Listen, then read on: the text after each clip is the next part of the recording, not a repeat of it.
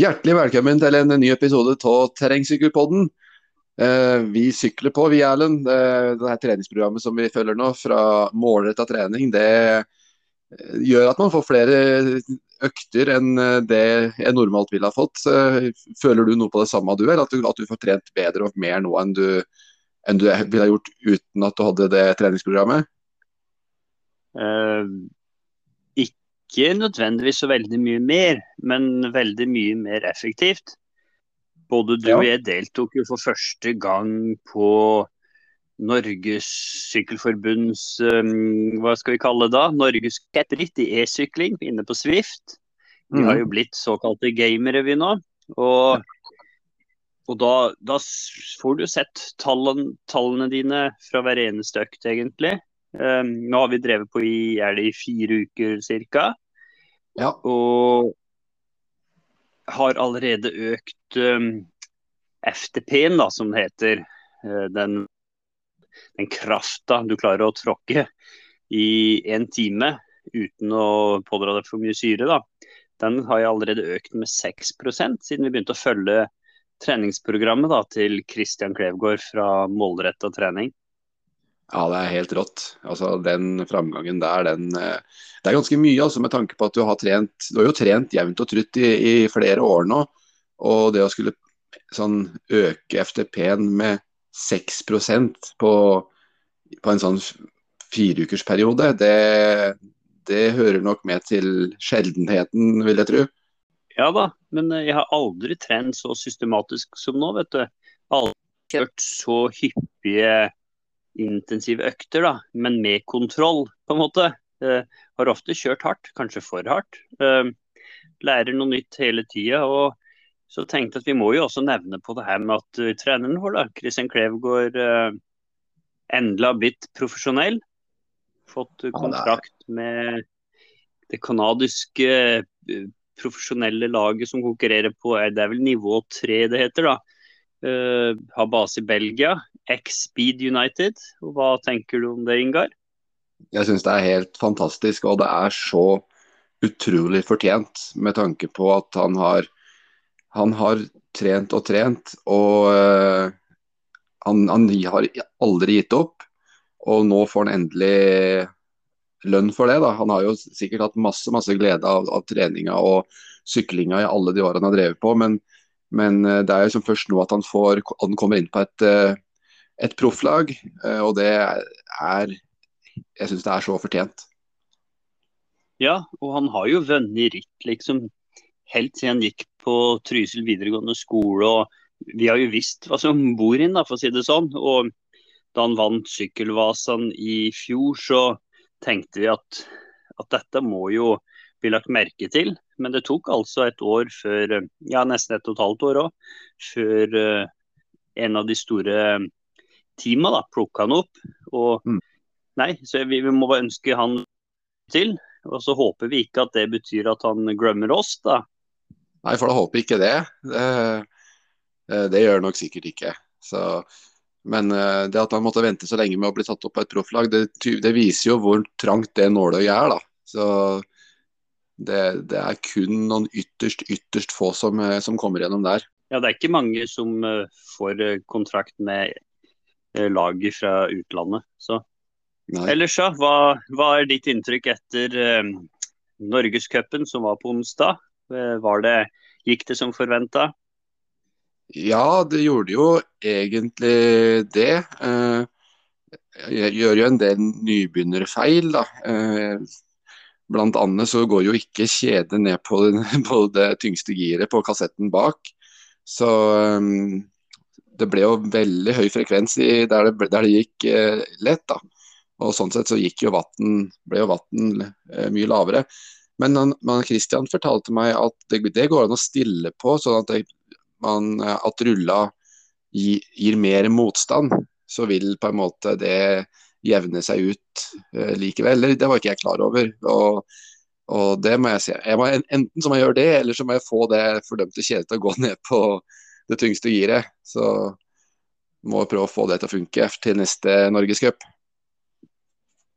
Vi har litt å lære vi har litt å lære av denne gaminga her. for det, etter det rittet her, så, og jeg syns jeg hadde tråkka som en tulling. Og du ser jo hvilken watt du sjøl ligger på.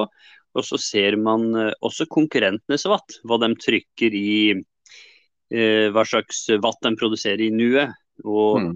og, jeg kunne jo ikke skjønne, vet du. Jeg så jo at det lå mye høyere enn dem rundt meg. Men det, jeg tok jo ikke innpå likevel. og og så pratet du og jeg på telefon eh, etterpå da vi var godt i mål. Og, og så venter du på meg innpå der, da, så vi sykler ved siden av oss. Og hva er det du forteller til meg da?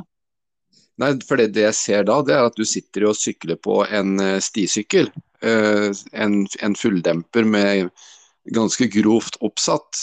Så uh, du må på en måte selv om det er et spill, så, så må du jo finne en sykkel som er egna for, for, asfalt, og ikke en stisykkel. Så det er ikke rart du tråkker masse vatt og folk rundt sykler ifra.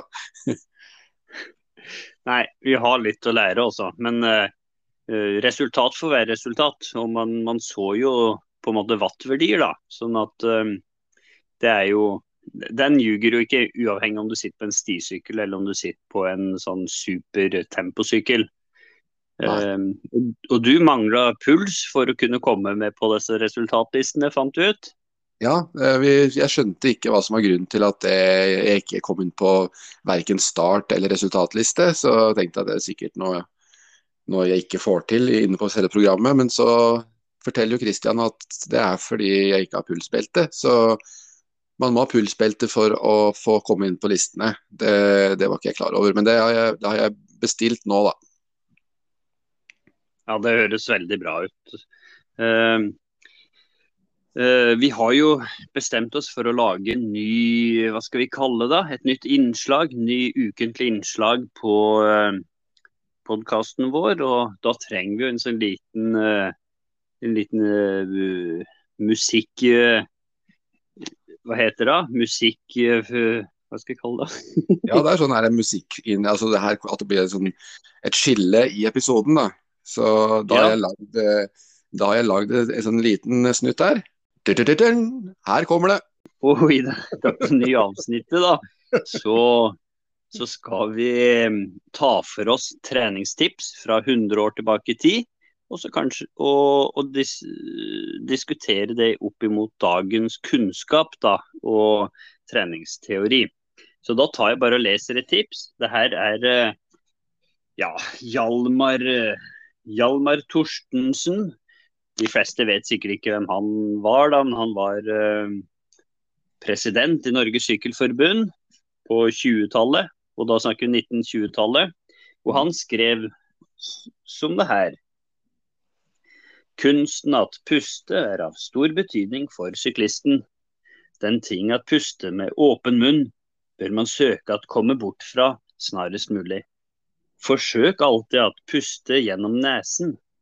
Nesen er et utmerket filtrerapparat og har den egenskap at lufttilførselen gjennom denne tempereres og lungene og halsen unngår irritasjon.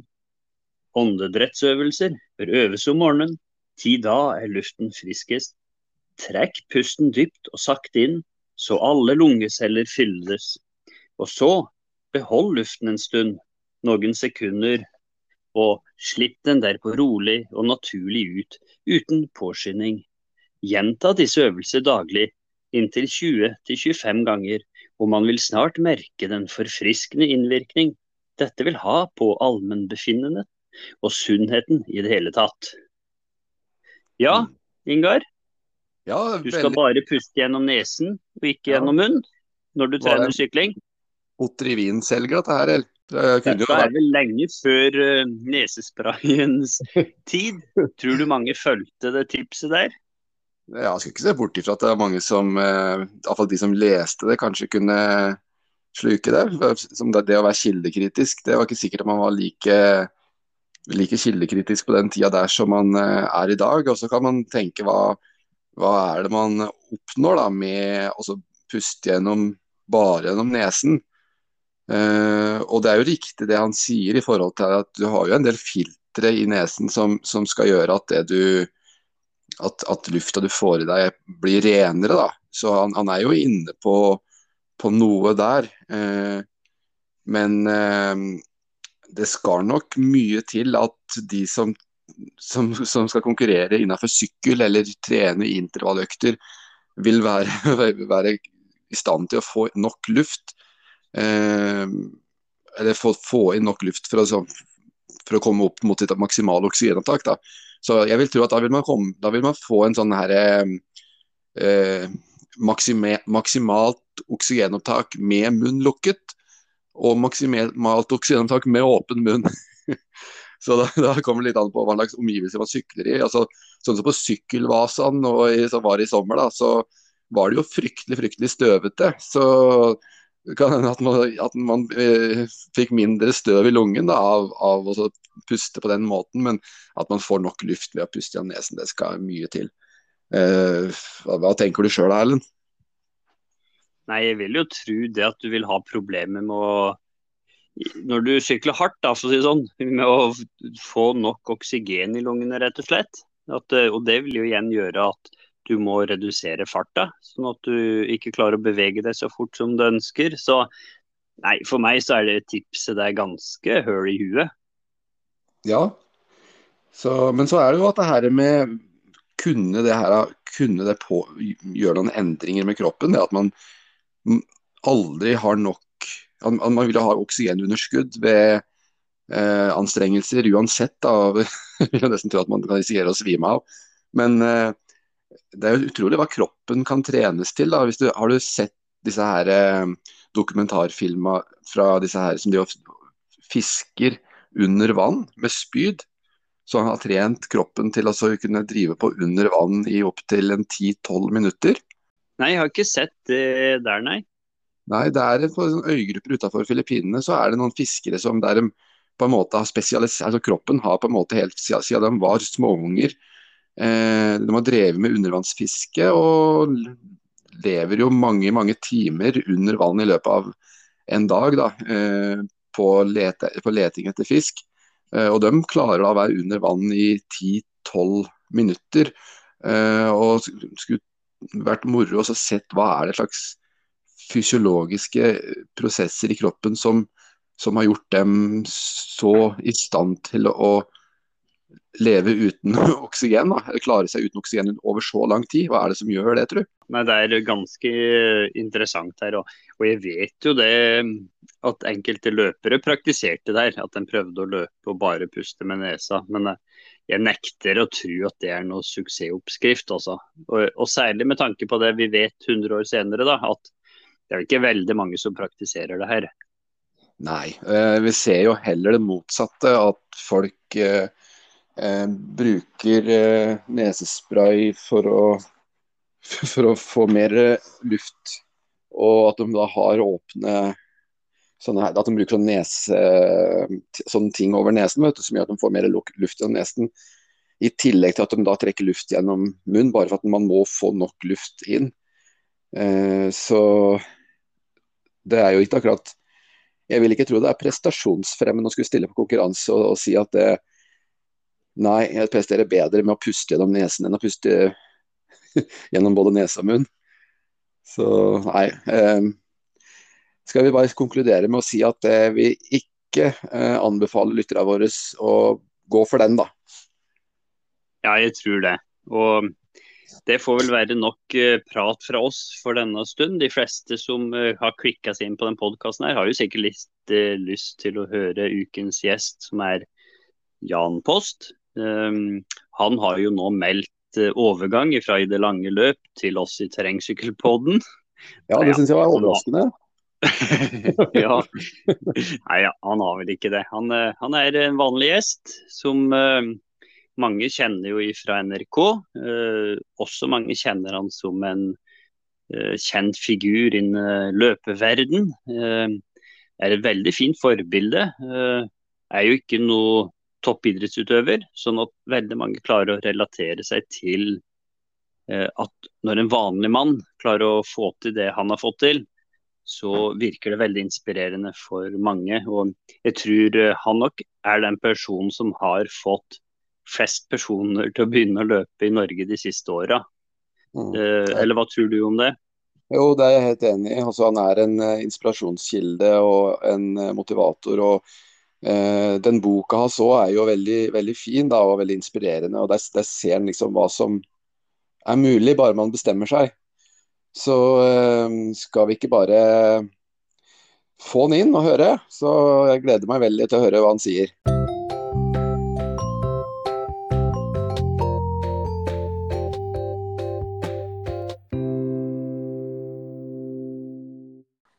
Fått med oss Jan Post, og takk for at du tok deg tid til å bli med på Terrengsykkelpodden. Du er vel kanskje ikke akkurat kjent som noe terrengsyklist, men du har kanskje sykla litt? Har du det?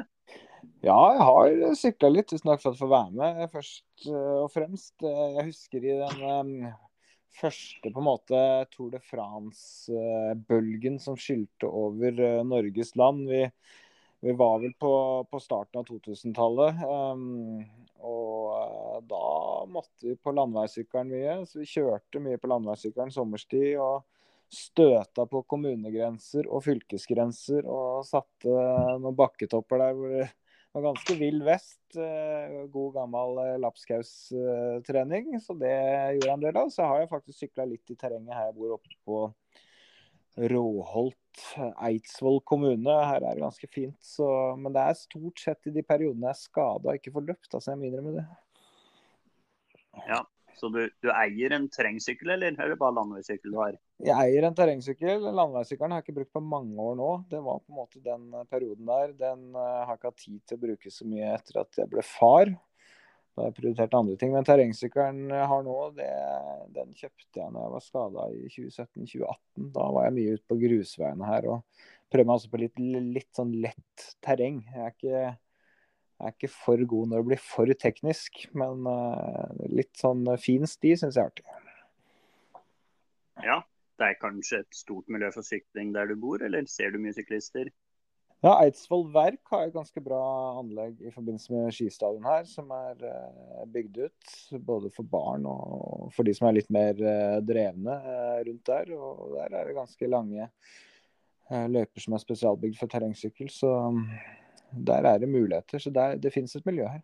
Men hva, Du er jo mest kjent som løper, da. De siste blir det elleve åra siden du startet opp, eller noe sånt. Var det ikke 2011 du begynte å løpe igjen? Jo, da heiv jeg meg på treninga igjen etter et ganske langt hvileskjær i 20-åra. Hva var det som gjorde at du slutta å løpe til å begynne med? Nei, altså For det første så, så drev jeg ganske hardt uh, når jeg var junior og var ganske seriøs da. Satsa mye på orientering. Jeg drev også med ski kombinert uh, friidrett. Og så begynte jeg å studere, og da måtte jeg liksom ta et klart standpunkt. Da Da var jeg ferdig som junior. Akkurat da jeg begynte å studere, så tenkte jeg Jeg var i Bodø, og så tenkte jeg skal jeg trene 20 timer i uka for å kanskje bli god i orientering. Og det var konklusjonen på at det hadde jeg ikke motivasjon til. Så da gikk jeg inn for uh, å studere og trente litt på si en stund. Og så begynte jeg å jobbe etter hvert i VG og så NRK et par år etter. Og da ble det et voldsomt fokus på, på jobb, uh, rett og slett. Å gjøre en best mulig jobb for å skaffe seg fast jobb og komme seg inn i sportsjournalistyrket. Så de årene der i starten reiste jeg ekstremt mye. Da skjøv jeg på en måte uh, alt annet bort. Uh, og da ble det veldig lite egentrening en periode der, og det, det var ikke bra. Og så har vi alle hørt om denne hva, Hvor var det du var? Denne monsterbakken? Var det ikke da du fant ut at du skulle begynne å trene igjen? Jo, jeg var der i det var da i starten av januar 2011. Og det er jo sånn at vi i NRK-sporten alltid prøver å vise fram hvor, hvor, bratt denne bakken er. Da. Det er litt vanskelig, for på TV så ser du ikke bratt ut i Kitzbühel engang, holdt jeg på å si. Altså, alt ser jo litt flatere og litt tammere ut på, på, TV. Og vi har ofte en ekspert da, som går opp der eh, og prøver å vise litt hvordan bakken er og hva løperne skal gjennom. Og Thomas Alsgaard var da ekspert, men hadde blitt sjuk. Og det var et eller annet lyst hode i redaksjonen der nede i Val di Fiemme som sa at hva, hva, skjer hvis vi sender liksom mannen i gata opp der? Og mannen i gata, det var meg, da. Um, så da måtte jeg opp der, veide 0,1 tonn. Hadde vært sjuk, jeg òg, så jeg var ikke helt i slag. Så jeg var ikke helt i slag, men jeg tenkte at å gå opp den bakken uh, på TV-opptak med litt pauser og sånn, det må bare gå greit. Uh, og så tok vi en fotograf opp i bakken der og merka rimelig fort at jeg var i ekstremt dårlig form. altså Pulsen gikk ikke ned uansett om jeg tok noen juksepauser. og Det ble sånn halvfornøyelig innslag der jeg, liksom, kommentatoren som satt i bua vanligvis og spiste vafler, fikk prøve seg litt på det virkelige liv. Eh, men jeg likte ikke helt selv å være så dårlig. Sånn jeg tenkte, så jo på meg selv som litt sånn ung, sprek fyr ut fra det som hadde skjedd. For du, du, forfaller jo ganske gradvis, og du legger ikke merke til selv hvor dårlig form du blir. Men det ble en sånn vekker for meg, så jeg bestemte meg oppå på toppen der at uh, det her går ikke. Jeg må bare komme meg hjem og trene. Så det, det gjorde jeg. Og det har blitt noen økter siden da? Ja, det har det blitt. Eh, jeg gjorde et veddemål med en kompis like etterpå der at jeg skulle trene 200 ganger da, i 2011. Eh, det endte med over 300. Og jeg gikk jo ned 25 kilo det året og, og, gjorde også et veddemål med Thomas Alsgaard om Nei, det var ikke veddemål. Jeg ble utfordra egentlig etter løpe New York Marathon og sa ja. Så vi skulle bort der, og Så endte det året med at jeg løp New York Marathon. Um, og da ble jeg på en måte bitt av den godfølelsen jeg fikk der, da, etter å ha brukt et år på å komme meg i bedre form og gå ned vekt og, og nærme meg litt mitt gamle liv. da, så, så var det en sånn dag i New York med praktfullt vær 50 000 på start, vel, og, og, ting gikk ganske på skinner for min del. Jeg klarte målet mitt om tre timer og løpe inn på 2.55. og Vilma var litt imponert akkurat da, så det, det, var en veldig god opplevelse. Så tenkte jeg at den, den, følelsen her vil jeg ha igjen, og da var jeg på en måte litt hekta. da. Hadde du anelse om at du skulle komme deg under tre timer, da? Eller hva, hvordan var nivået ditt, trodde du sjøl? Jeg hadde ikke noe sånn anelse i starten. For, for det første halvåret så trente jeg veldig variert. Jeg, jeg sykla på den tida sykla litt, faktisk. Eh, spesielt landevei eh, som solskinnsrytter. da. Så var ute, sykla fra Oslo retning Follo. Like småveien i Follo og Nesodden, Drøbak. Eh, så var jeg ute der ofte en tre-fire-fem timer, og så trente litt løping. Og så var det litt innefotball, og så var det litt styrketrening. Og prøvde å liksom bare være mest mulig aktivitet. Da. Det var liksom målet. For jeg tenkte ikke i utgangspunktet at jeg skulle løpe så fort. Men etter hvert så nærma jeg New York Marathon seg, og så tenkte jeg at det var lurt å løpe en halvmaraton først. da. Det hadde jeg aldri gjort, så jeg meldte meg på Drammen halvmaraton og løp den på 1.27. Og da spurte jeg Jack Whites, eh, som jeg kjente litt, hvis jeg løper 1,27 på halv, da bør jeg liksom være målet på hel da? Og da, da sa han kanskje sånn 3.05-3.06 i sjiktet der. Så tenkte jeg at det var litt irriterende å løpe rett over tre timer. Da får vi vi har jo seks-sju uker å trene på her. Vi får prøve å sette inn støt så vi kommer oss under tre timer. da. Eh, det var det forholdet jeg hadde til det. Og jeg visste jo ikke noe mer enn det. Eh, så det var jo om det var fornuftig mål eller ikke, det, det hadde jeg vel ikke så god peiling på når jeg stelte meg til start der, men, eh, men det gikk jo. Ja, og du, du hadde kanskje løpt uh, New York Marathon en gang tidligere der òg, i 2006. Så ble det en helt annen opplevelse enn da du løp i 2006? Ja, 2006 da, det var egentlig sånn forespørsel jeg fikk fra en kompis som overhodet ikke var eh, idrettsinteressert i, med å drive idrett selv. Da. Han var idrettsinteressert, men han var musiker og har gått i klassen min på Journalisthøgskolen oppe i Bodø der. Og spurte om jeg skulle løpe New York Marathon med han. Så sa jeg at hvis det innebærer at du skal løpe maraton, så skal jeg til New York. Det er i hvert fall helt sikkert. Og, og fløyt jo litt på gammel form eh, der, men så ble jeg skada og fikk ikke løpt noe særlig de siste to månedene. Det ble jo fullstendig slutt midt i løpet der. Jeg løp vel første halvdel på 1,35 og siste halvdel på 2,05 og kom inn på 3,40. Og jeg lå og ble tøyd ut av en uh, høy, eh, mørk fyr der nede i Harlem.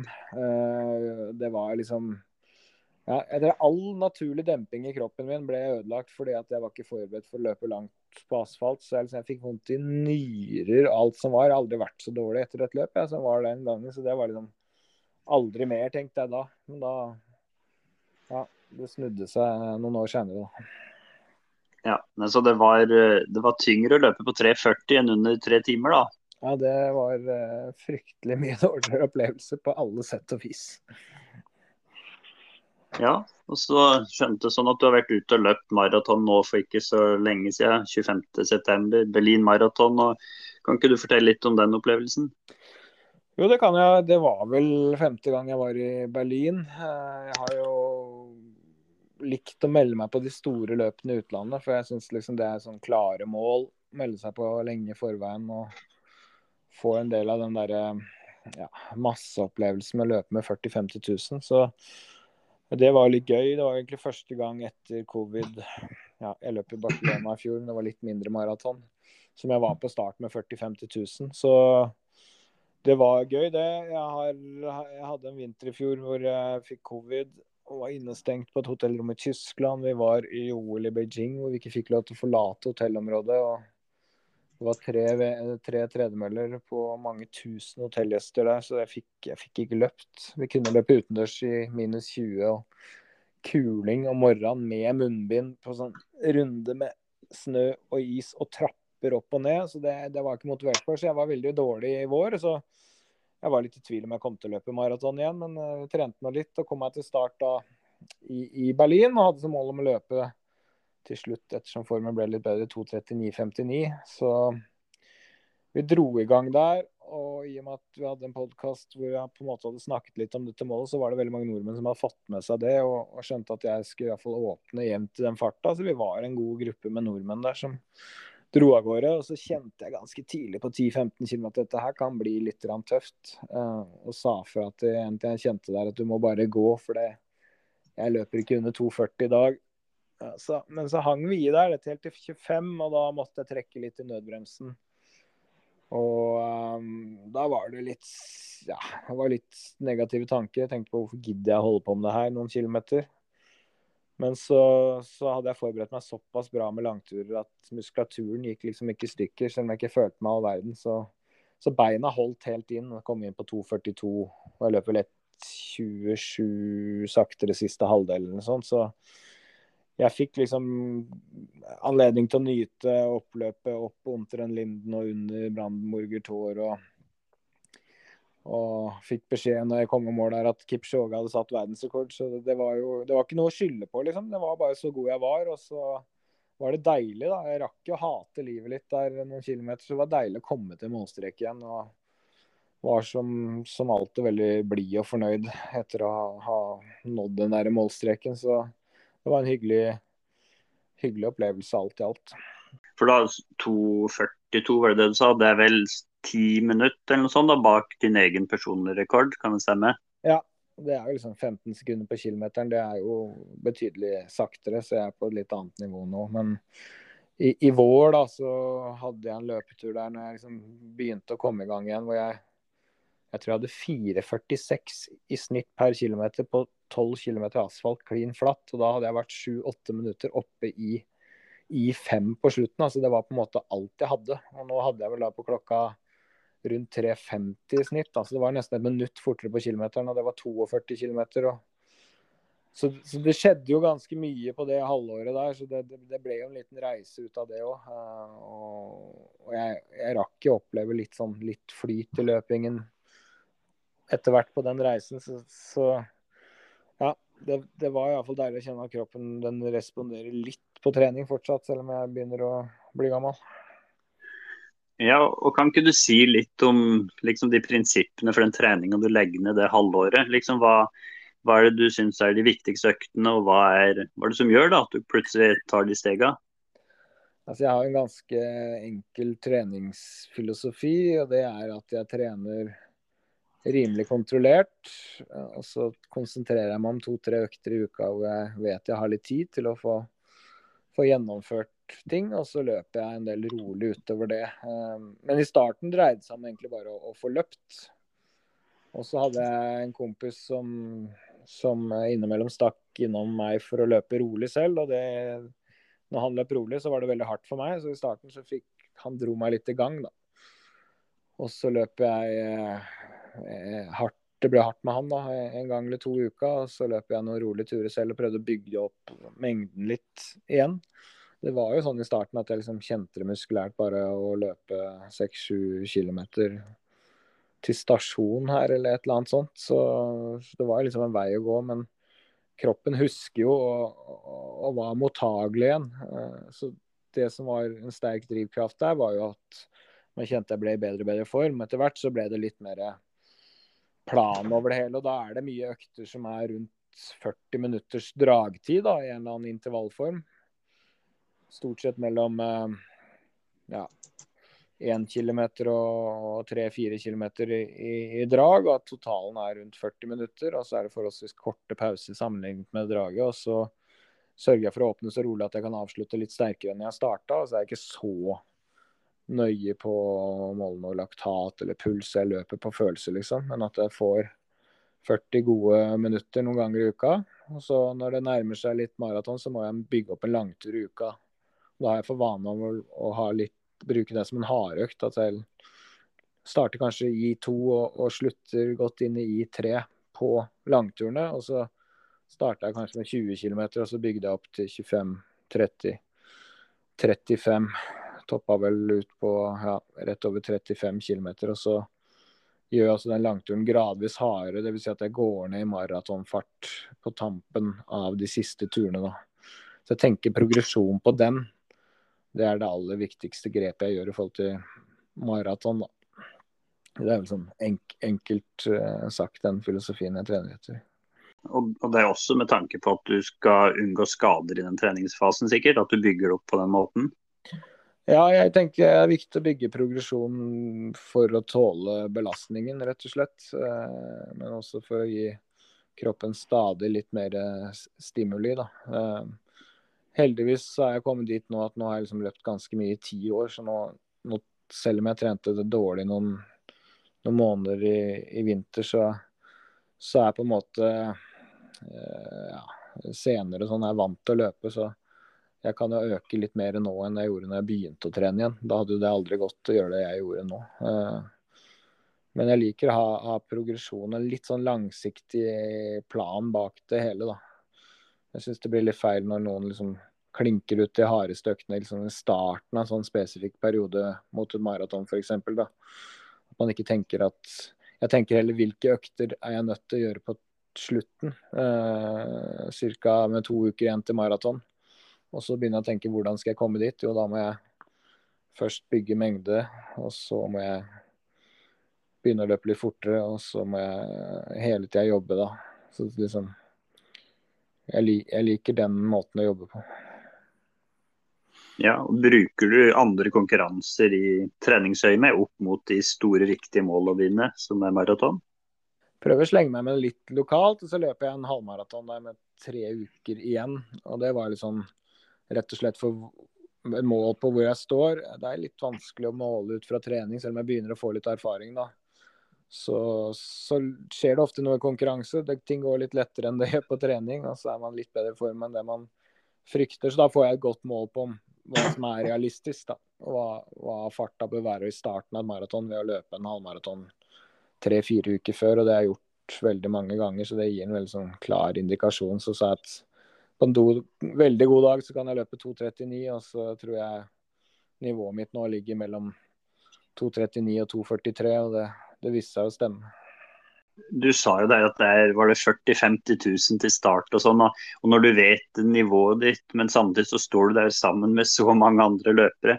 Hvor lett er det liksom å ikke la seg dra med i starten av kanskje dem som starter litt hardere?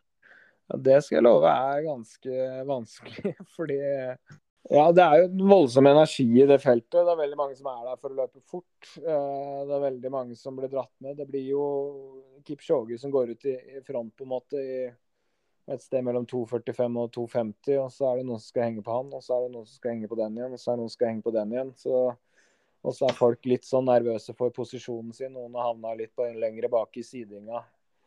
Eh, så det blir, litt, det blir litt sånn som et terrengsykkelritt, hvor alle vil opp og fram i starten. Så det er veldig fort gjort å la seg bli dratt med av det. Men jeg vet jo nå at maraton er langt, og at den veien i Berlin er bred nok. Så jeg titter ned på klokka rimelig tidlig for å se at jeg ligger i, i riktig fart, og, og, rett og slett bremser eh, meg av gårde.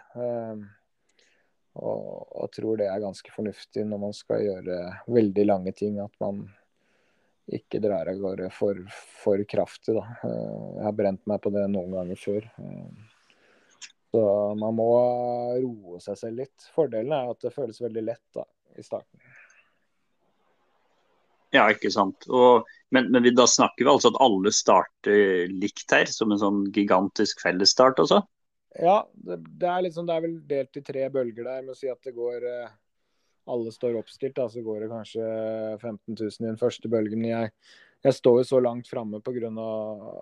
tidligere løp at jeg, jeg står 10-15 meter bak de aller, aller beste der. Så det er på en måte i, i front av det. Og der er det veldig mange som vil fort i gang. da, eh, og Som skal henge på en eller annen, og som har noen kompiser som står rett foran. Eller, så Det skjer en del de første, første kilometeren der. Folk skal liksom finne sitt tog. da. Og, og, selv jeg som løp litt saktere siste halvdel, var vel Jeg tror jeg var nummer 700 og noe, jeg er halvveis. Når jeg passerer halvmaraton på 1,20, og så selv om jeg føler jeg sprekker, så er jeg nummer 500 og noe i mål. Så det er jo veldig mange som går på en smell. Da. Det er veldig få, egentlig, som klarer å beregne det der eh, godt nok. Da. Ja, og det, det, må jo være en uh, veldig påkjenning for kroppen å løpe så langt når det er så mange som går på en smell. Det, og, og, det har kanskje med underlaget å gjøre òg, det er vel asfalt dere løper på? Ja, jeg tror underlaget har ganske mye å si. Um, det er jo det, det, det, er jo mye som har skjedd med moderne sko og sånn, som gjør ting litt lettere. Men det er det som er løpinga. At den mekaniske belastningen blir veldig, veldig høy. Da. Og det er stort sett det som stopper mosjonister, supermosjonister, er at muskulaturen ikke holder. Uh, og da har man uh, ikke gjort jobben sin på langturene. Fordi at uh, du blir slått i stykker. Og da, da, faller farten. Da koster det for mye å holde samme fart som du gjorde tidlig. Og selv når man er godt forberedt, så ser du jo dagen etter når du går ut på gata at du kan jo plukke ut hvem som løp maraton i går, fordi folk går og halter og hinker og går med strake bein. og Det er jo ganske artig. Jeg husker jeg var i New York et år der og så en basketballkamp i Madison Square Garden dagen etter maraton. Og, og sitte da på plassen sin der og se folk gå trapper opp og ned og prøve å finne setene sine. Jeg kunne se akkurat hvilke 5000 der inne som hadde løpt maraton dagen før. Så man blir jo Man får mye juling. Ehm, det, men det, det, er jo sånn litt med terrengsykling òg. Du ser jo folk blir rista i stykker. Ehm, så der får man noe av samme julingen, eh, antagelig. Husker Gunn-Rita. Jeg var, følte Gunn-Rita Dale. Flesja mye i noen år der. og Husker hun snakka om denne, denne julingen. Ass.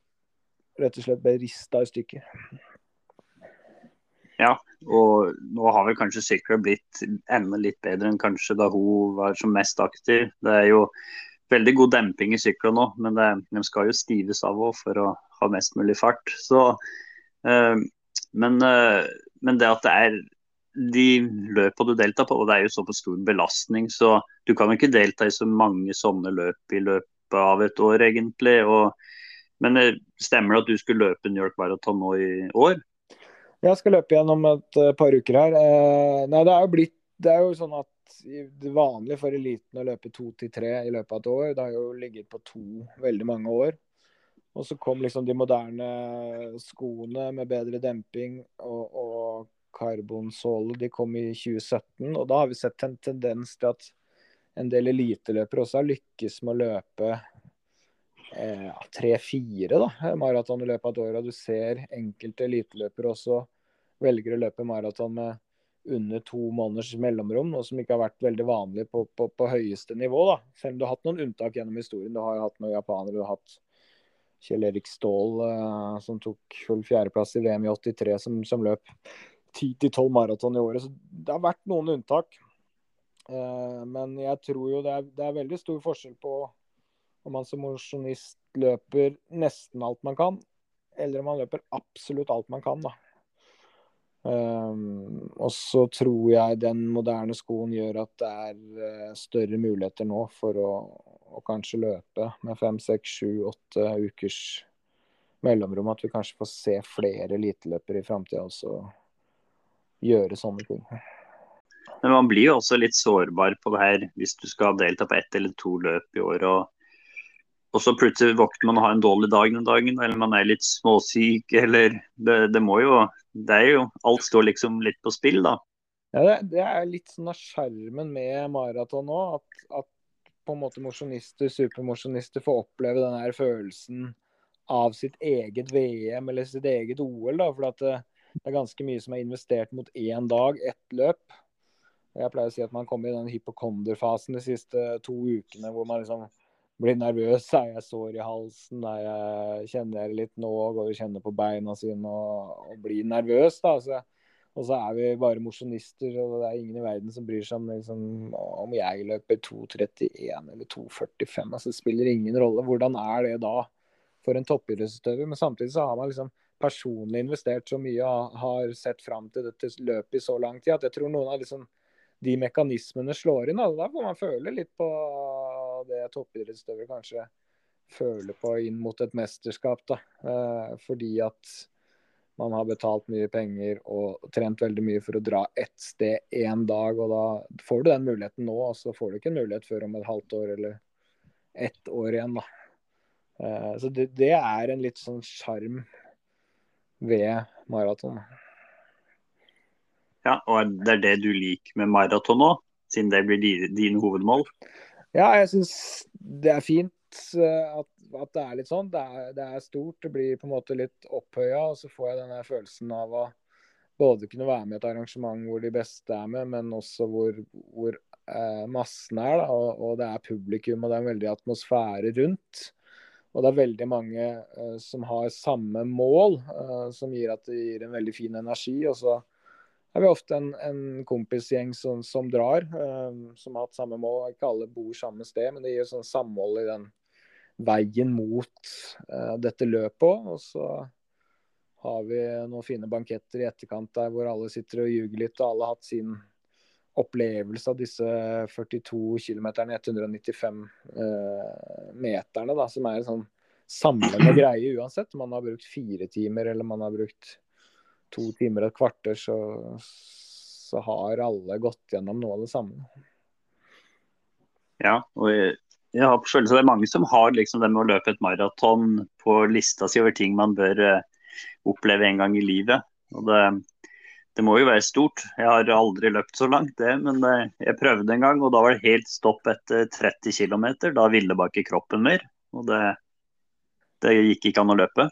Nei, altså det er jo litt artig hvis man er vant til å sykle, da. Eh, jeg kan ta en historie om det. og Jeg hadde Carl Fredrik Hagen med i vår podkast. Han kjenner jeg litt fra, fra før av. Han kom jo fra uh, terrengsykling, altså disse maraton rittene, egentlig, som han sklei litt inn i, og ble vel Norges beste på det der. Og så, så, så var han jo en type som på en måte drev sin egen greie og, og, og, og trente som han ville. Og I den perioden der så, så kom han rett fra en sykkelsamling eh, et eller annet sør i Europa og skulle være med oss på en langtur. da, Vi hadde en sånn langtur på julaften eh, før i tida hvor vi løp 32 km, veldig kupert. En del var asfalt, en del var grus. Og han kom rett fra månedsvis med sykling, hadde ikke løpt. og var jo mye bedre form enn flere av oss som var der, men uh, han skulle jo bli med på den langturen der og uten å ha løpt. Da. Og til slutt så klarte han jo rett og slett ikke å løpe. Etter 25 km der så, så, måtte han bare gå. Jeg husker vi tok noen filmer av han og lo og mobba, mobba han litt. Han som egentlig var best trent. Men det er, liksom, det er noe med den muskulære belastningen ved å, å løpe som, uh, som slår inn der. Altså, folk som da er veldig godt trent, de, de, de, puster jo ikke. Det er jo ikke noe puls å snakke om. Det er ikke det som stopper dem. Det er rett og slett den mekaniske belastningen og de slagene man ikke er vant til, så muskulaturen blir øh, ødelagt. Da. Jeg tror han angra litt i etterkant på at han var med det, for han har ikke vært med på noe lignende stunt etterpå. Han skjønte jo at det ødela treninga den neste uka òg, øh, for det han egentlig skulle gjøre. Men, øh, men det sier litt om, om hans mindset òg, når han begynte å ta nivåene opp i syklinga. Ja, han, eh, han, er jo utrolig god syklist. Og, og eh, det sier bare det at du Det er jo trenbart, det her med løping. Altså at du, som du sa i stad, du må vende kroppen din og muskulaturen til det. Som gradvis eh, progressiv tilvenning. Skal du i hele tatt klare å gjennomføre det på en god måte. Ja. Og, Så tenkte på, Bruker du noe sånn Det høres ut som du legger opp treninga sjøl, egentlig, da, men uh, hvor nøye er du på de hardøktene, liksom? Plotter du det inn i kalenderen og Eller hvordan løser du liksom det i hverdagen? Det med å finne tid til sånne økter?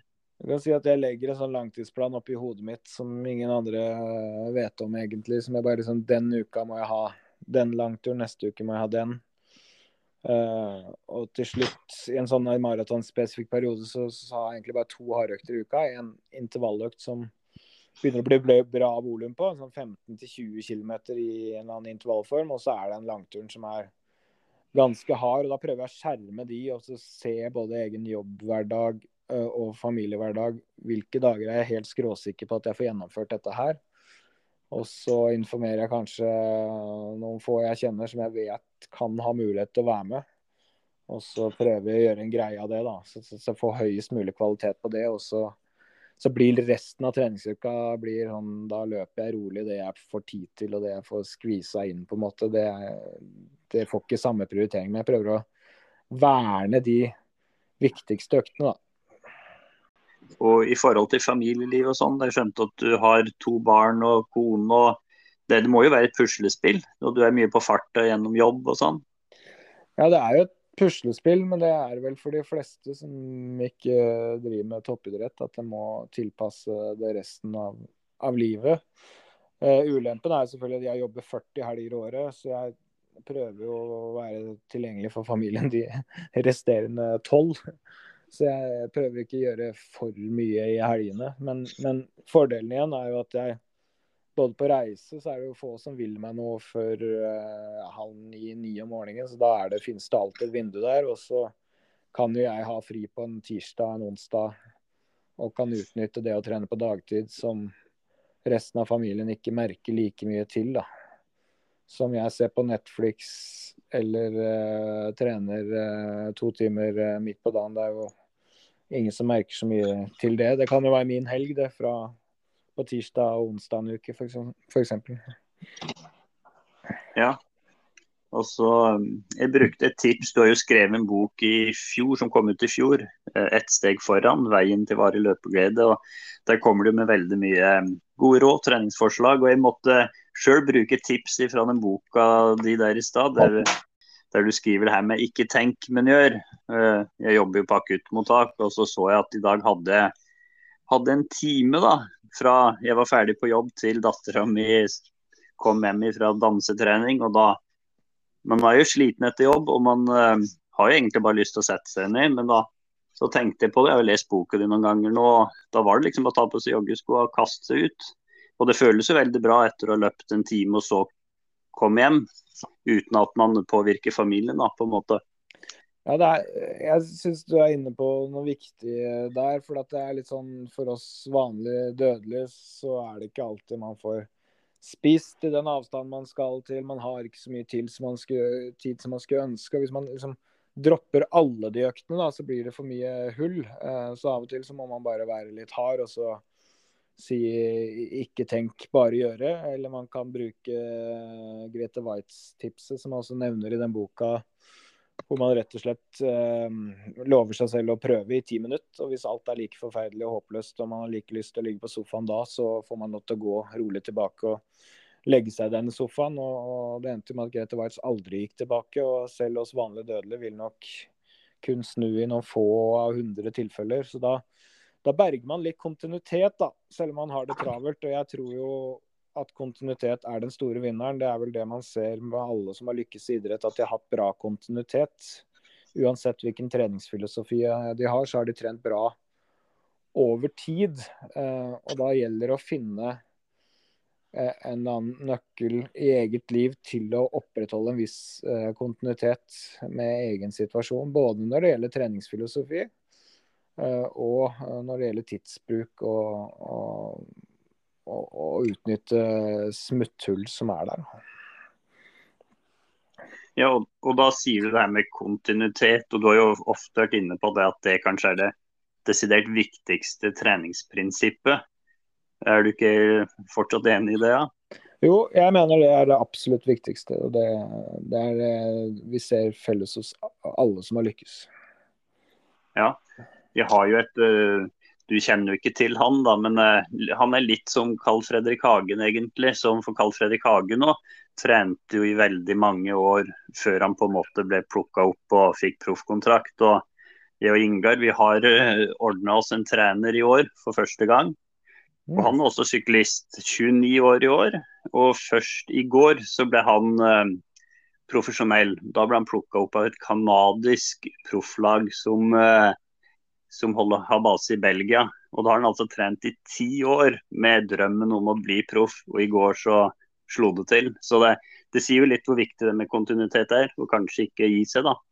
Ja, Det er jo utrolig viktig. og Sånne historier er uh, veldig fine å få høre om. Og er jo til inspirasjon for, for mange. At det, ikke, det lønner seg ikke gi seg.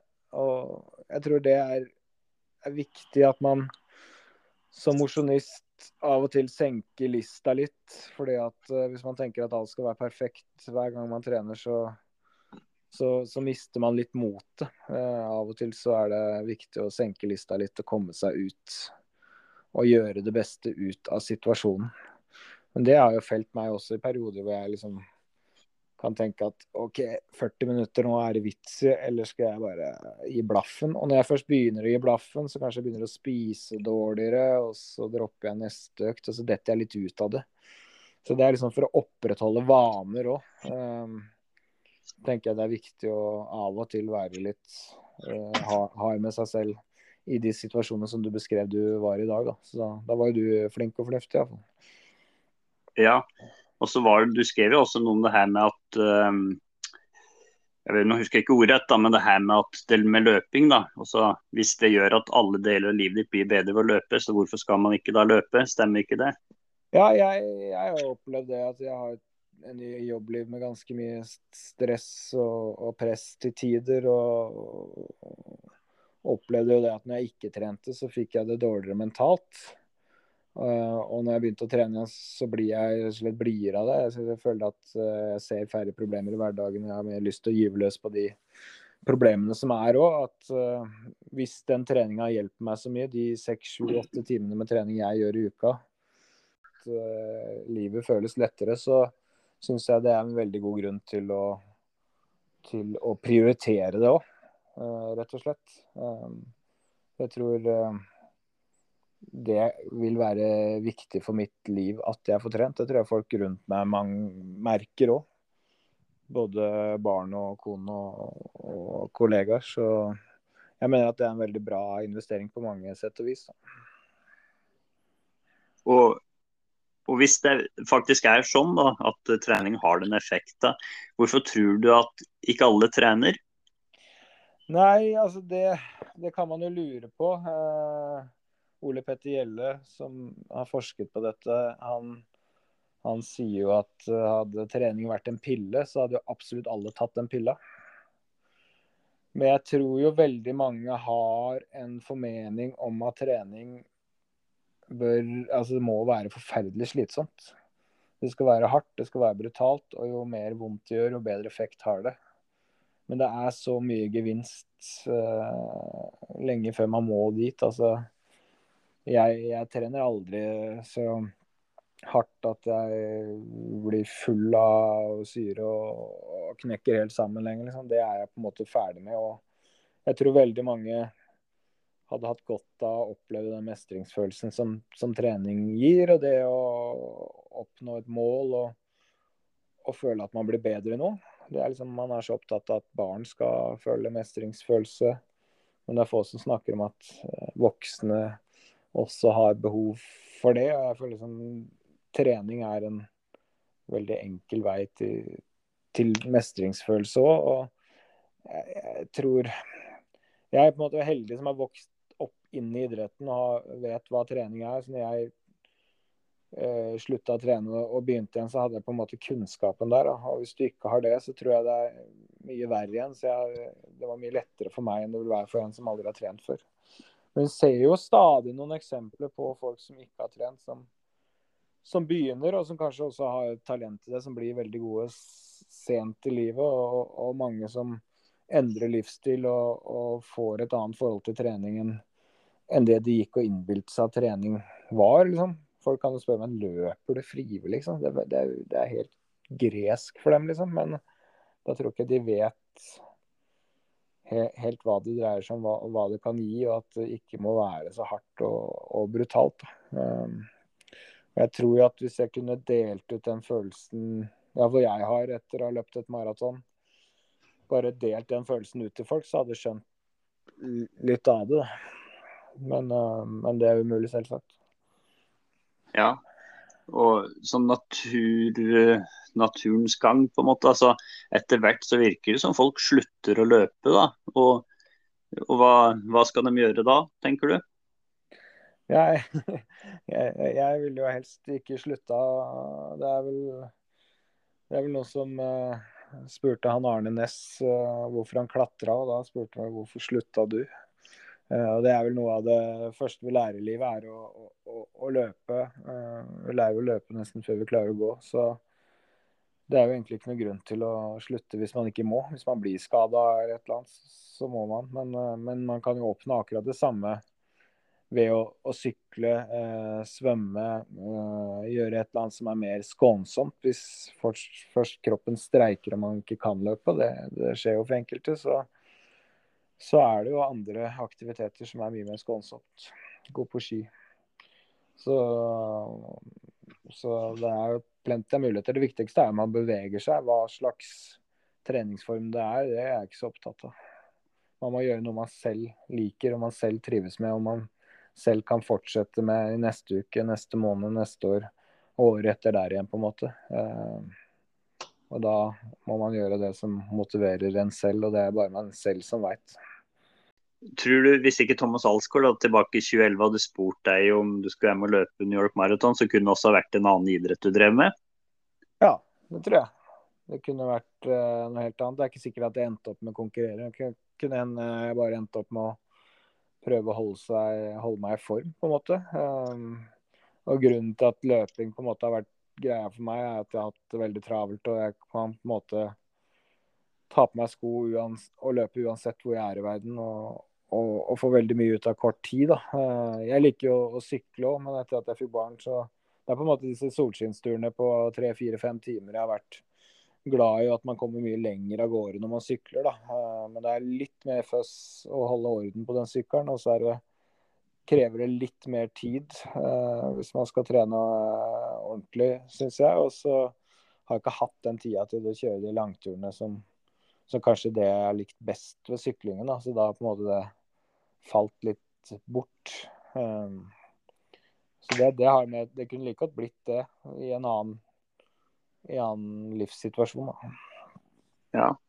Men Så du, du har tilrettelagt bra for deg sjøl? Skjønner sånn at du har tredemølle hjemme? og Ja, jeg har treningsrom i kjelleren. Der står det en spinningsykkeltype. og Der har stått en ellipsemaskin.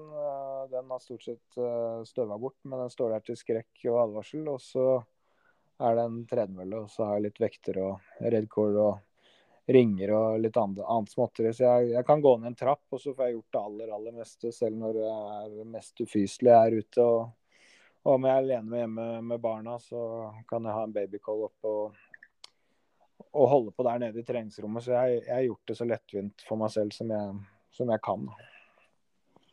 Ja, og det er kanskje viktig for folk som er i den berømte tidsklemma. Ja, det, det blir jo lettere å holde det gående, da. For det er jo en del økter som hadde gått i vasken om jeg ikke hadde hatt det så lettvint, rett og slett. For det sparer både tid og det er en del situasjoner hvor jeg har vært alene med barna. Da kunne jeg ikke verken løpt eller sykla eller gjort noe annet utafor husets uh, vegger her når de har vært små. Så, så, det har jo berget veldig mange økter. Ja, så Ingar, da kan jo du få følge opp. Ja, Nei, du, eh, I forhold til trening og formtopping, eh, syk sykkel og løping, det er på en måte eh, Det er masse likheter i forhold til treningsprinsipper. Eh, noe av den største forskjellen er kanskje at det er med eh, muskulære tilpasninger og det at å løpe maraton, det er på en måte noe som krever masse, masse trening. Men, men hva tenker du i forhold til eh, formtopping de tre siste uker før et eh, maraton. Det, det, gjelder jo også maratonritt, antageligvis. da. Ja, Eh, det er jo en evig diskusjon. Jeg drev og leste litt om det her i går, og man kan jo lure på hva, hva som er riktig. Jeg tror det er, det er, viktig å ha litt personlig erfaring. Jeg tror folk er forskjellige.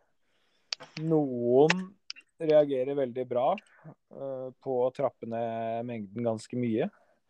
Mens andre føler at det blir litt råtne av det. Um, så jeg ville liksom lagt merke til når jeg føler at kroppen min fungerer på det beste. Hvis jeg lykkes en gang, så kan jeg tenke hvorfor lykkes det? hvorfor eh, gjorde man det. Og så kommer det litt an på hvor kommer man fra, da. Hvis man skal trappe ned, så tenker jeg at da er man avhengig av at man kommer fra en ganske solid treningsmengde. Uh, hvis uh, man fortsatt er på formstigning fordi man ikke har trent så mye som man burde, bør man da slutte å trene?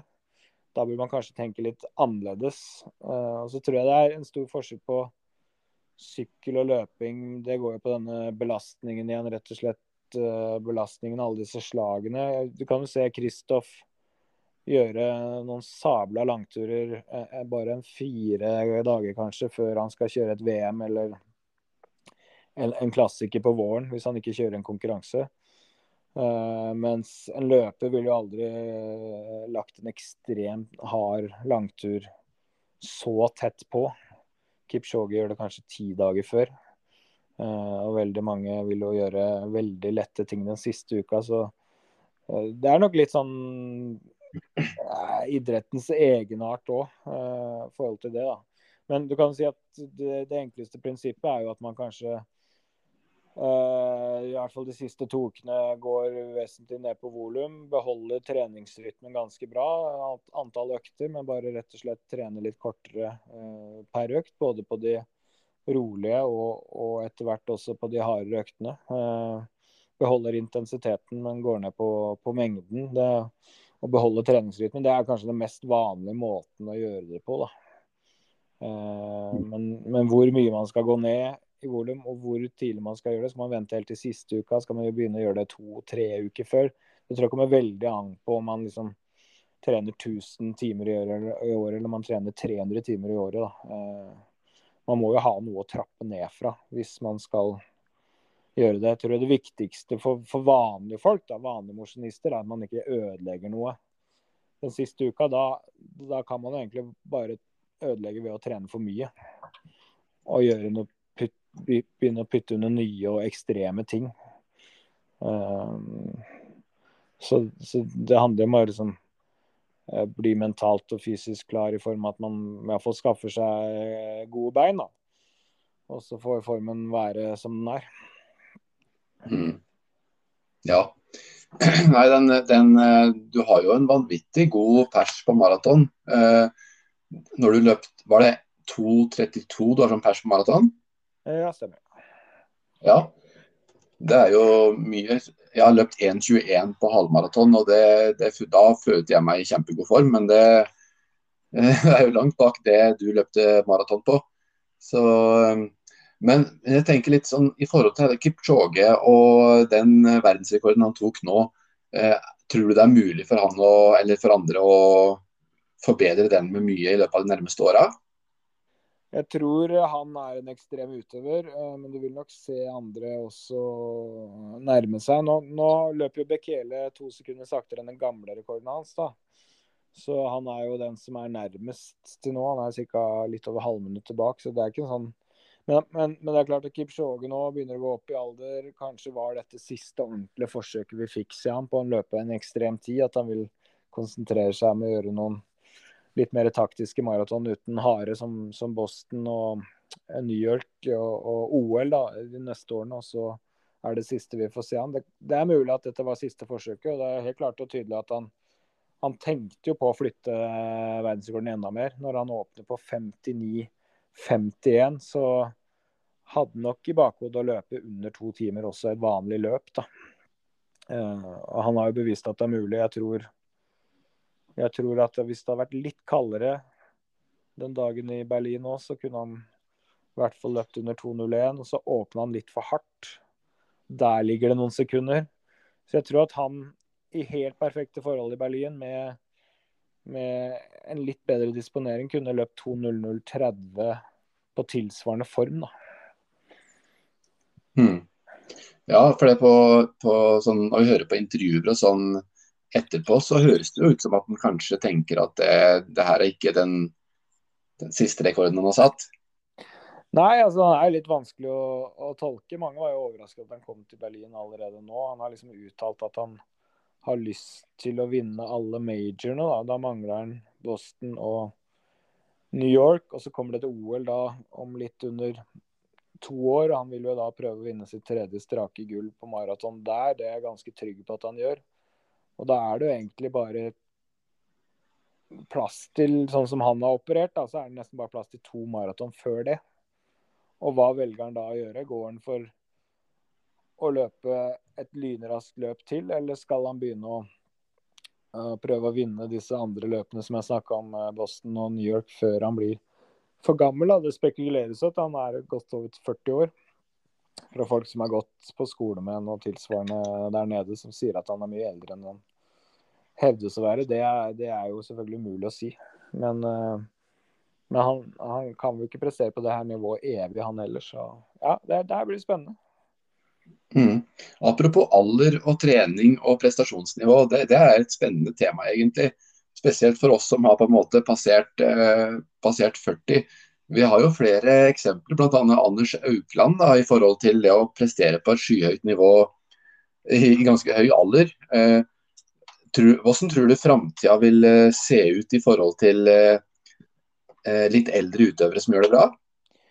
Det er, det er, i hvert fall helt klart at situasjonen er en helt annen nå enn den var for 20-30 år siden, hvor uh, folk nærmest ikke trodde det er mulig. Og så har Anders Aukland og, og, flere andre vist, spesielt i, i den type øvelser, da, som uh, et veldig langt sykkelritt, et langt løp, et langt uh, skirenn. I den type øvelser så har vi sett folk midt i 40-årene hevde seg utrolig bra. Og nå har Anders Haukeland fylt 50. Og han ble jo faktisk ja, ble, vel, ble han ikke topp ti i Vasaloppet, altså 49-åring her nå i vår. Mm. Uh, og det viser seg at det kanskje er ikke de fysiske begrensningene så store som man trodde. Men hvor mange toppidrettsutøvere kommer til å ha motivasjon til å jobbe så hardt mellom 40 og 50 år som han har hatt, det tror ikke jeg er mange. Uh, Ola Einar Bjørndalen kunne hatt det. Uh, Aukland er en annen. Uh, Olav Tufte har jo vist noe av det samme. Så det er noen få da, med det å holde på, i hvert fall for de som er ganske gode tidlig og begynner å trene rimelig disiplinert fra 15-årsalderen. Det er hardt å holde på da, til du er 45 år. så jeg tror mm. ikke vi kommer til å se altfor mange gjøre det fordi at det er for hardt mentalt. Hmm. Tror du man er avhengig av at man eh, må ha prestert og trent som toppidrettsutøver tidlig for å kunne hevde seg såpass som eh, i midten av 40-åra? Altså, det spørs jo litt hvilket nivå vi snakker om. Snakker vi om å ta et OL-gull, eller snakker vi om å, å, gjøre veldig gode Eh, plasseringer blant supermosjonister. Jeg tror at man kan bli veldig god utholdenhetsidrett veldig sent i livet hvis man bare begynner å trene. Det er det mange eksempler på. Folk som har blitt veldig motivert og begynt seint. Uh, sykkel er jo en sånn idrett hvor vi har sett folk uh, nå også verdenstoppen må begynne i 20-åra. Uh, det er veldig få andre som har gjort da, vanlig landeveissykling, fordi det kanskje teknisk sett er lettere enn f.eks. å begynne med langrenn da, eller svømming når du er par og 20. Det, da er på en måte det tekniske toget gått litt, mens sykling har det gått. Og vi vil garantert få historier. Det har vi hatt i løping òg, eh, med folk som har begynt rundt 30 år og kommet seg til OL. Og Det er ganske galskap i seg selv. Eh, og Da kan man jo lure på uh, hva som er mulig. Men, men sånne historier tror jeg vil komme i framtida òg. Mm. Jeg syns sånne historier er veldig motiverende. og Det var litt artig å høre på den podkasten i det lange løp, der dere, nei, der dere intervjua hun eh, dama fra Nord-Norge som var eh, maratonløper i Og var vel var ikke hun noen og 70 år? Jo, jo. Eh, Vera Nystad hun satte jo ja. faktisk verdensrekord i Berlin i det løpet for noen uker siden her for ja, mellom, for sin årsgruppe, da, som er, er 76 nå, eller 77. Mm. Og løp på 3, var det 3.38? Sånn. Mm. Ganske imponerende, det. Ja, men jeg syns sånne historier er helt rå. Og eh, veldig motiverende for oss eh, mosjonister eh, som på en måte har passert 40-åra og, høre på. da, altså Høre at det fortsatt er mulig å prestere på det nivået når man er i en sånn alder. Og det kan jo tyde på at det, det, er, det er mulig å drive på på ganske høyt nivå selv om man nærmer seg 80 år. da. Ja, så da er det jo alltid aldersgrupper å konkurrere i hvis man syns konkurranseaspektet er glad. og man kan holde seg i form. Um, og det kan sørge for mange fine treningsopplevelser og turopplevelser og alt annet, hvis man er så heldig å ha helse til det. og Det er iallfall noe jeg ser fram til å kunne oppleve framover hvis jeg eh, blir lei av å jage tider om et par år. Det kan godt hende at jeg går mer over mot eh, å oppleve ting, da. Løpe i naturen, eh, dra til steder som det er kult å løpe i, i fjellene og andre ting. Eh, og, og, og, se og, og, nyte opplevelsene på, på, en annen måte. Ikke bare jage tider på flat asfalt, da, som, som er så ekstremt målbart. Mm. Nei, Av og til så føler jeg at på sånne massearrangementer så er jo bare det følelsen av å konkurrere sammen med andre eh, en verdi i seg sjøl. Ikke at du konkurrerer mot, mot, hverandre, men at du konkurrerer sammen med andre. Ja, det gir jo en helt egen følelse å ha det startnummeret og, og være der med andre som har samme mål. Altså, jeg klarer iallfall aldri nærmest å prestere sånn på trening som man gjør der. Jeg vil jo anbefale folk å være med på mer konkurranser. Det er jo veldig mange som som tenker at man må være i toppform, man må være maks forberedt og sånn, men man kan bruke det som en del av, av, treningen. Det har jeg gjort med mange lokale løp her, at man er harde for noen som har lyst til å oppnå et eller annet, eller man skal løpe i en gitt fart, f.eks. maratonfart på en kortere distanse. Får noe av det derre adrenalinet til å bruse i, i kroppen og få litt den der konkurranseeffekten. Mm. Ja.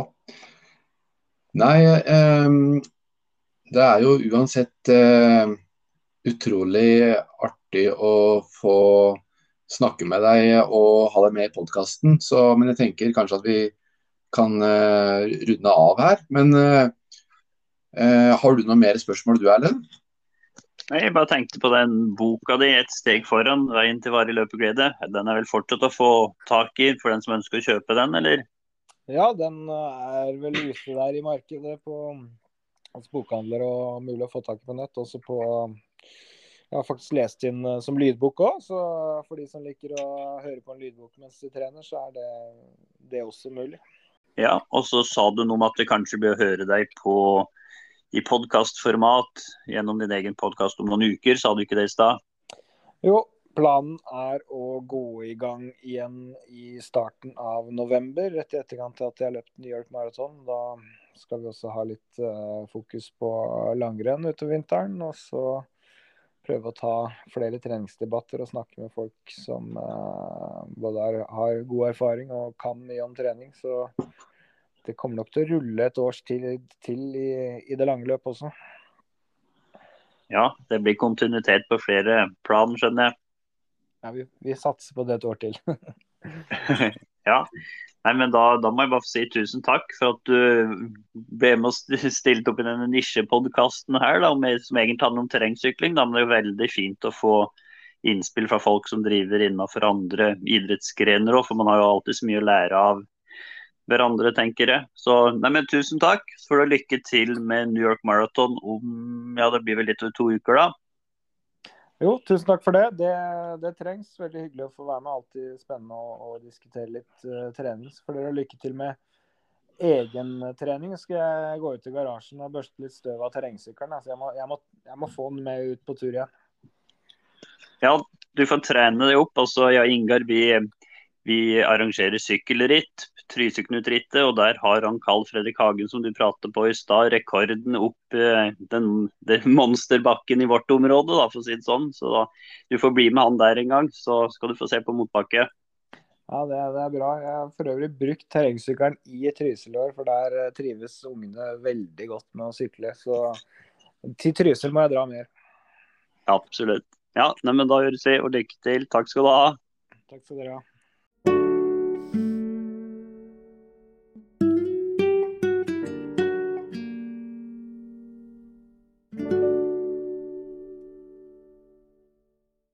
Ja, det vil jeg si. Det var utrolig gøy å ha med en, eh, en Jan på podkasten og høre hans sine historier og ja, alt ifra treningsfilosofi til, eh, til opplevelser under uh, maraton. Så ja, utrolig, utrolig moro å høre på.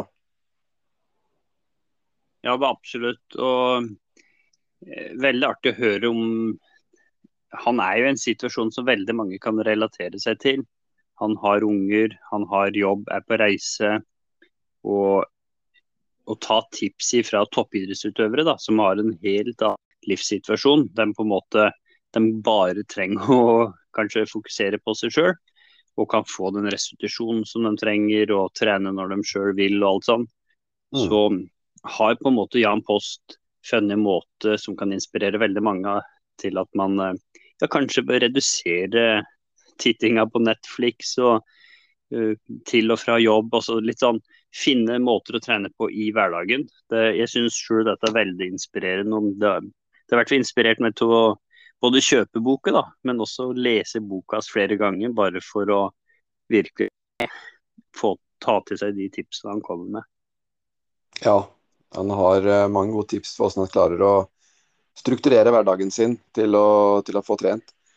Og for sånne som, som oss, som skal liksom sykle og prøve å, å, bli bedre, så det trengs jo en del timer i løpet av eh, en uke f.eks. Med, med trening. For man blir jo liksom ikke man, man, blir ikke noe sånn supersyklist hvis man ikke har noen timer på sykkelsetet.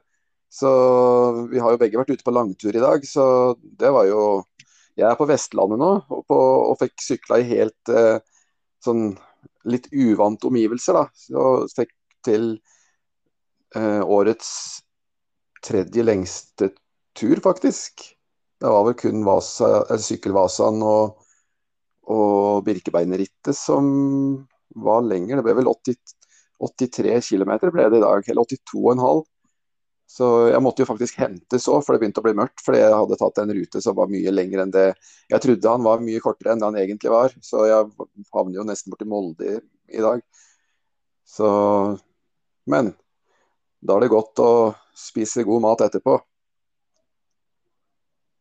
Ja, absolutt ikke noe bedre enn det. Og jeg var veldig i tvil sjøl om uh, min egen trening i dag. Det sto jo tre timers langtur på plan, men så var det jo sånn at jeg uh, var, på, var på jobb i går og, og, hadde blitt invitert fra Tor Gottaas til å høre på han på Brumunddal på noe som heter Ulvenskjenkeri, der han skal ha et foredrag om ørkenen sur, en bok han skrev for ja, det er vel fort tolv år siden nå.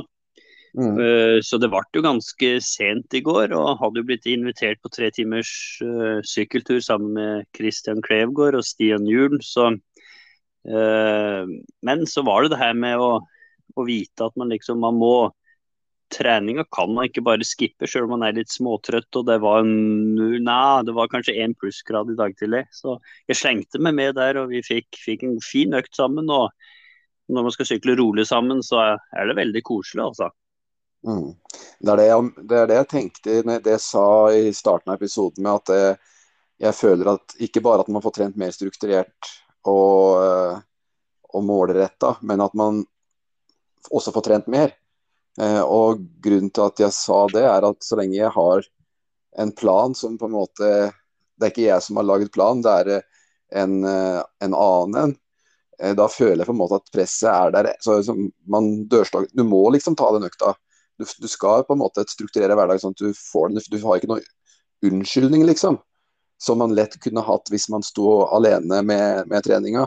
Jeg, jeg har iallfall følt sånn av og til at hvis jeg føler meg sliten eller, eller at det er fryktelig dårlig vær, så, så dropper jeg lett økta. Men, men, jeg dropper ikke like lett økta nå. Nei, du, du, skal ha en veldig god unnskyldning for å ikke gjøre sånn som det står på treningsplan. Vi prater jo veldig mye om det her, og det, det er jo kanskje høres jo veldig mye ut som reklame, da. Men det, det er jo faktisk sånn at uh, vi faktisk mener at det opplegget som målretta trening med tilholdelse på Lillehammer har, er, er, veldig bra. da. Og for uh, våre lyttere som kanskje også har lyst til å ta det et steg videre, da. Altså, det kan være bare at man ønsker å oppnå sine egne mål. Uh, alle blir ikke verdensmestere. Det kan hende at man bare ønsker å komme i bedre form, eller ja, ha noen som følger med på treninga, sånn at uh, man oppnår det man har lyst til. Så da kan man ta kontakt med målrettet trening på Lillehammer. Uh, bruker du da Treng sykkelpodden som kode, så får du var det 20% rabatt, Ingar, stemmer det? Ja, jeg tror det var 20% rabatt, ja. Det, ja. det mener jeg det var. Så nei. Nei, men uh, det er kjempebra, og motivasjonen er på topp hos alle lytterne våre, eh, håper jeg. Sånn at vi liksom alle sammen Vi er jo på en måte i oppstarten nå på ny sesong. Det, det var 1.10 som, eh, som er kickoff, og da er det fullt fokus på neste sesong. Nå, har du satt deg ut noe ritt som vi skal starte med du, Erlend? Nei, jeg vet faktisk ikke hva som blir det første rittet på nyåret. Men eh, vi hadde en god opplevelse av å dra til Danmark tidlig på året i fjor. Der er det jo tidligere bart enn her i dette området, da. Så jeg har nok veldig lyst til å gjøre det igjen, altså. Ja, vi må få til det. Ellers så driver vi og ser på sykkelcomputer for tida. For det det er jo noe som, eh, som jeg kanskje bør ha. Altså, jeg, jeg, bruker jo bare pulsklokke på armen per i dag.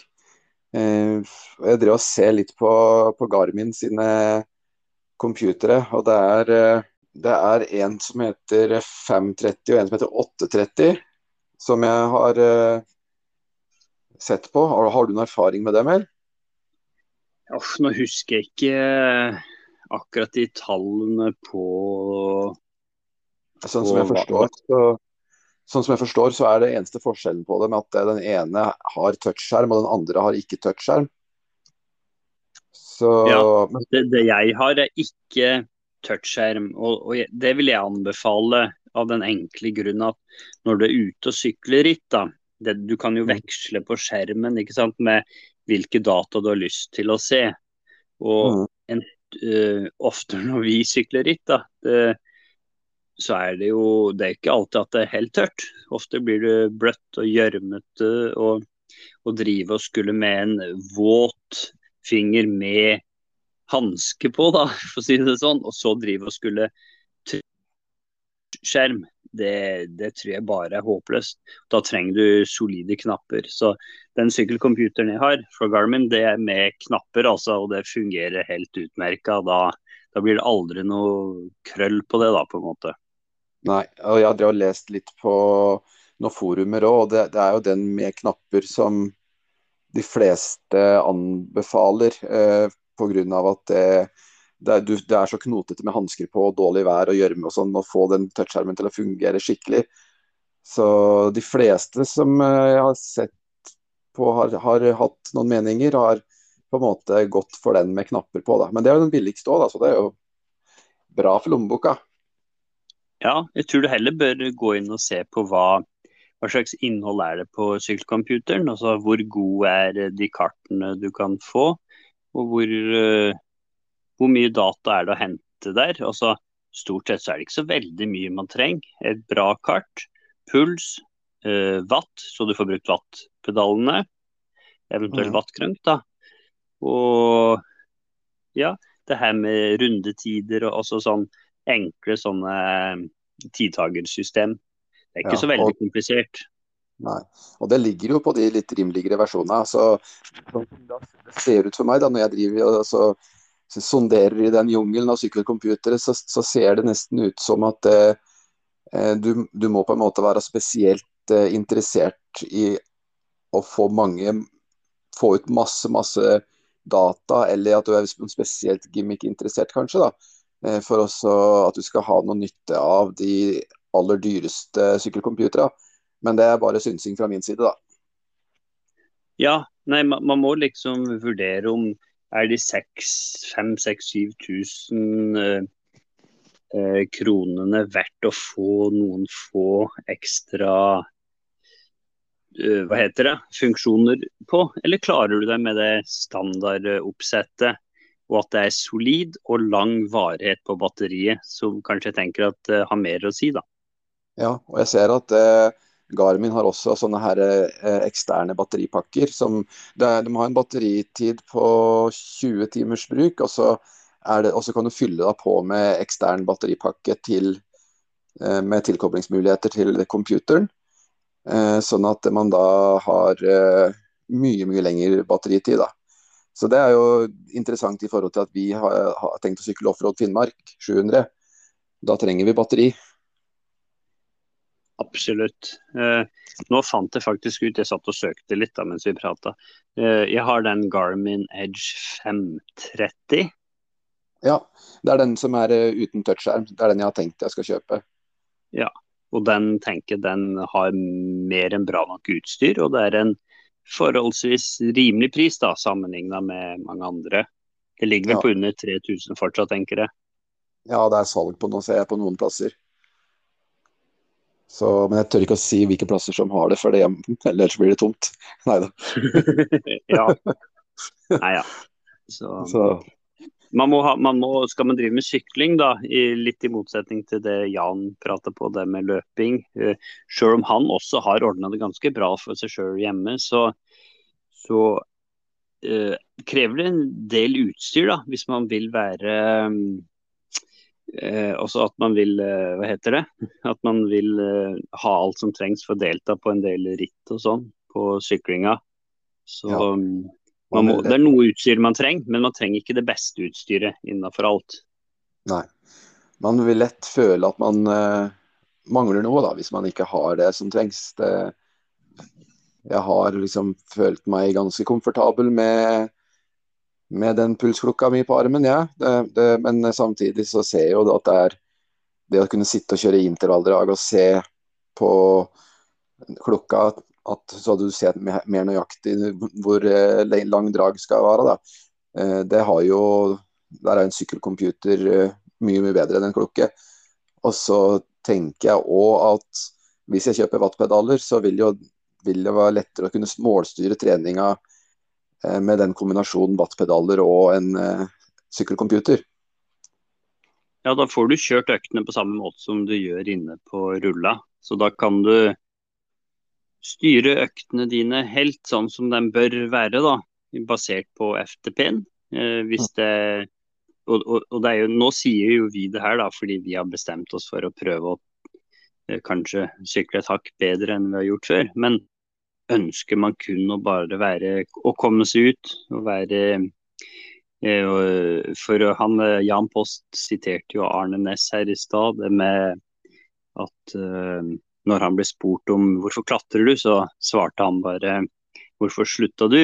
Eh, han har også et annet sitat som jeg likte veldig bra, og det var det her med at folk flest sier jo at de skal ut i naturen, men han sa det, jeg skal inn i naturen. Og er målet mm. ditt rett og slett at du skal komme deg ut og være inne i naturen, så trenger man jo ikke alt det her, da. Det her er jo tips basert på at man ønsker å vite hva man driver med, og kanskje klare å heve seg sjøl et nivå eller to. Ja. Pressere på ritt. Ja. Folk har forskjellige eh, innfallsvinkler for hvorfor man, man sykler, og forskjellige målsetninger. og, og eh, sykler av forskjellige grunner. Ikke bare for at man skal prøve å sykle så fort som mulig på, på ritt, men eh, kanskje mer dette her med at man eh, Opplevelser man får gjennom syklinga, da, både i forhold til naturopplevelser og i forhold til eh, sosiale, den sosiale biten. Eh, og at man på en måte får være sammen med likesinnede folk. og ja, nei, vi, vi har, Folk har forskjellige grunner til å drive med sykling. Så det skal være sikkert. Ellers så Jeg har ofte tenkt litt på det du fortalte meg en dag dette her med at ja, hvorfor gidder du å drive med den syklinga? Du kommer jo aldri til å bli verdensmester uansett. Eh, og det er et eh, perspektiv mange har i forhold til eh, oss som trener. Ikke bare sykling, men som løper, som går på ski, uten nødvendigvis å kunne ja, verken ha forutsetning på, på gener eller alder eller andre ting eh, for å kunne bli supergod, men man gjør det likevel. Har du, har du reflektert noe rundt, rundt, det, du?